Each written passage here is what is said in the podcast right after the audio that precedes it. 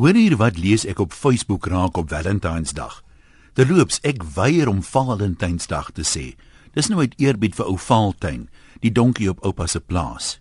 'n Man skryf die volgende op Valentynsdag op Facebook. Vandag strompel menige drommel wat gewoonlik nooit naby 'n winkel kom nie, weer angsbevange en verbeete in die malls rond, op soek na die laaste verlepte rooi roos of gesmelte boks chocolates om die smaad en hoon van sy vrou vry te spring. Ek verpes Valentynsdag met 'n passie. Wat 'n racket. Dis vir jong verliefdes met sterretjies in hulle oogies.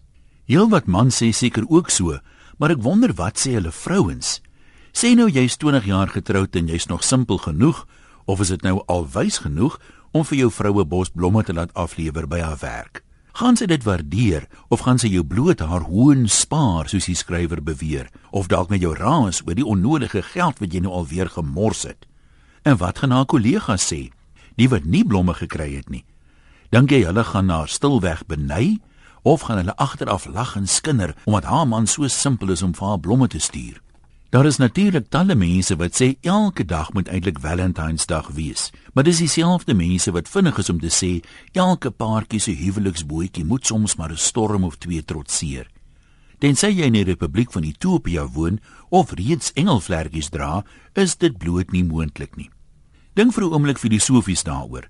As daar nooit winter was nie, sou jy somer glad nie waardeer het nie. Die lewenspad loop oor berge en dale en soms moet jy eers die bult uitklim om die uitsig te waardeer. En dink gou prakties daaroor. Jy kan tog nie elke dag vir jou vrou blomme gee nie, maar aan die ander kant as jy dit net doen as jy droog gemaak het, word die mooi gebaar later net met 'n misstap geassosieer en glad nie meer met liefde nie. En as elke dag Valentynsdag moet wees, dan moet elke dag mos ook Moedersdag, Vadersdag, Jeugdag, Gesinsdag en Versoeningsdag wees, soos in Ethiopië. Die 16 dae van aktivisme teen vrouens en kinders kan wel verleng word tot 366. Dis baie maklik haalbaar. Maar in 'n sin het die skrywer egter ook reg. Valentynsdag het so gekommersialiseer geraak dat jy dit seker as 'n rekker kan sien. Maar dan geld dieselfde mos vir Kersdag of hoe?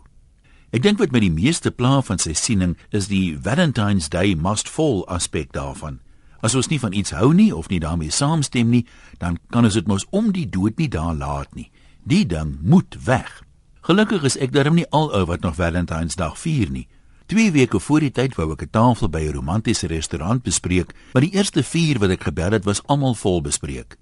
Aanhouer wen egter en ek het die laaste tafeltjie gekry by 'n restaurant in 'n groot huis met 'n oudtydse stoep en pragtige tuin.